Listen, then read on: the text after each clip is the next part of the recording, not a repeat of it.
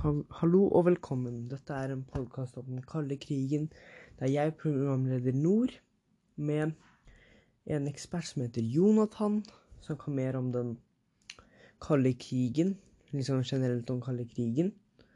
Hallo. Ja, og så har vi da Marius, og han kan mer om Vietnamkrigen, som vi også skal snakke om. Hallo. Nå som jeg har introdusert oss, så spør jeg deg, Jonathan. Hvordan var situasjonen i verden rundt året 1945? Vel, eh, etter den andre verdenskrigen, andre verdenskrigen var både USA og Sovjetunionen militært overlegne enn de andre landene. Mens USA ikke hadde hatt noen okkuperte land. Krigen var jo i Europa og ikke Amerika, da. Og da De har jo ikke noe land i Europa. Um, da hadde, tok ikke USA noen skader, men Sovjetunionen hadde jo blitt angrepet av Tyskland på et, et tidspunkt i krigen. Og da var det flere byer som ble rasert. Store deler da av Øst-Europa og deler av Vest-Europa var preget av store tap av menneskeliv, materialer som ble ødelagt, matmangel og millioner av flyktninger. Innbyggerne i Europa så til USA og Sovjetunionen for løsninger, siden de hadde jo det ganske bra på den tiden, da. Um, og fordi amerikanerne bidro til materiell hjelp, så bidro sovjetene med innsats i krigen mot Tyskland-kommunistene, som hadde en oppslutning i 1945 som de verken før eller siden har hatt. Et eh, stadig tilbakeværende problem mellom øst- og vestmaktene i Europa var Polen. Storbritannia og Frankrike hadde jo gått til krig mot Tyskland i 1939 fordi Polen ble angrepet, mens Sovjetunionen etter en avtale med Tyskland erobret den østlige delen. Saken ble ikke bedre av at de sovjetiske hærstyrkene demonstrativt unnlot å hjelpe den polske hjemmefronten i Warszawa-oppstanden i 1944. Samtidig var jo Roosevelt spesielt innstilt på at det var vanskelig å unngå at Sovjet Sovjetunionen dominerte Polen. Harry Truman tok over som president etter at Roosevelts død. I april 1945 ble spørsmålet om Polen igjen skulle bli et stridspunkt mellom noen land. Amerikanerne og britene mente at sovjeterne ikke forholdt seg til tidligere inngåtte avtaler om demokrati i Polen, og Westad hevder at den kalde krigen først ble synlig der. Og rundt dette Rundt 1945 så ble jo FN laget, men etter det så ble det to atombomber som ble sluppet over den japanske byen Nagasaki, som samme dagen angrep Sovjetunionen Japan, og noen dager etter var andre verdenskrig over. Og det var jo mesteparten av det som skjedde på starten av 1945, og til slutten, da. Jontan, kan du forklare litt til om hva kommunisme er, og hva kapitalisme er, og hva forskjellen er? Og ja, um, kommunismen er da en ideologi der hvor alle deler alt, alt er likt.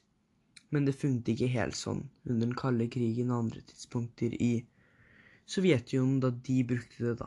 I motsetning så er kapitalisme et økonomisk system basert på at, at den økonomiske virksomheten organiseres av kapitaleiere som benytter sin kapital til å anskaffe produksjonsmidler, råvarer osv. Takk. Eh, Marius, kan du nå forklare litt om Vietnamkrigen? Eh, fra første stund mottok den sørvietnamesiske regjeringen støtte og rådgivning fra USA, og fra 1964 deltok USA aktivt i krigen på sør-vietnamisk side.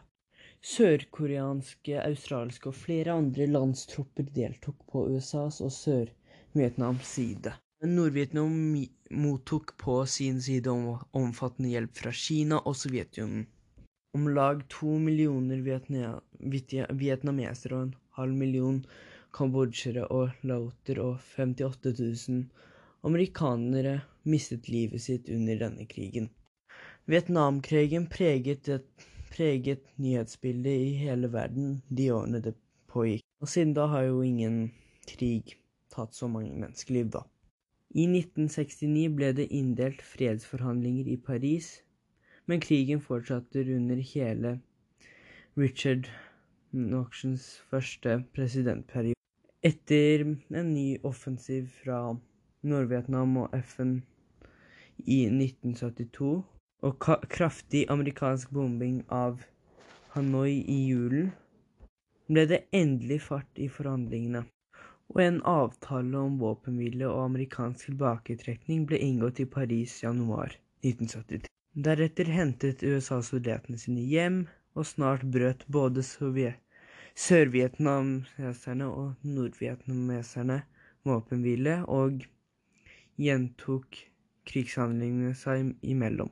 USA, som nå var svekket av Watergate-skandalen, unnlot å intervenere.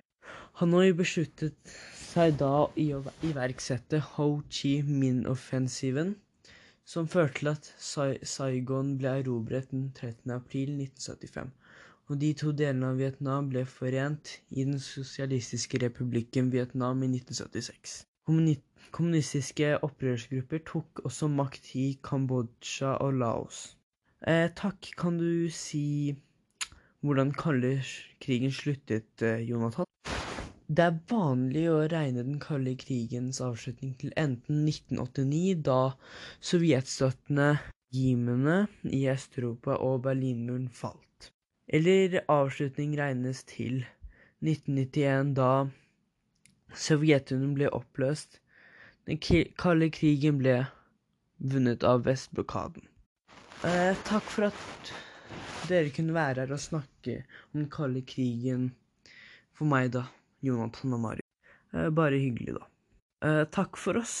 Dette var da vår podkast om den kalde krigen. Kildene som ble brukt, var Wikipedia og den kalde krigen, Store norske leksikon, Vietnamkrigen.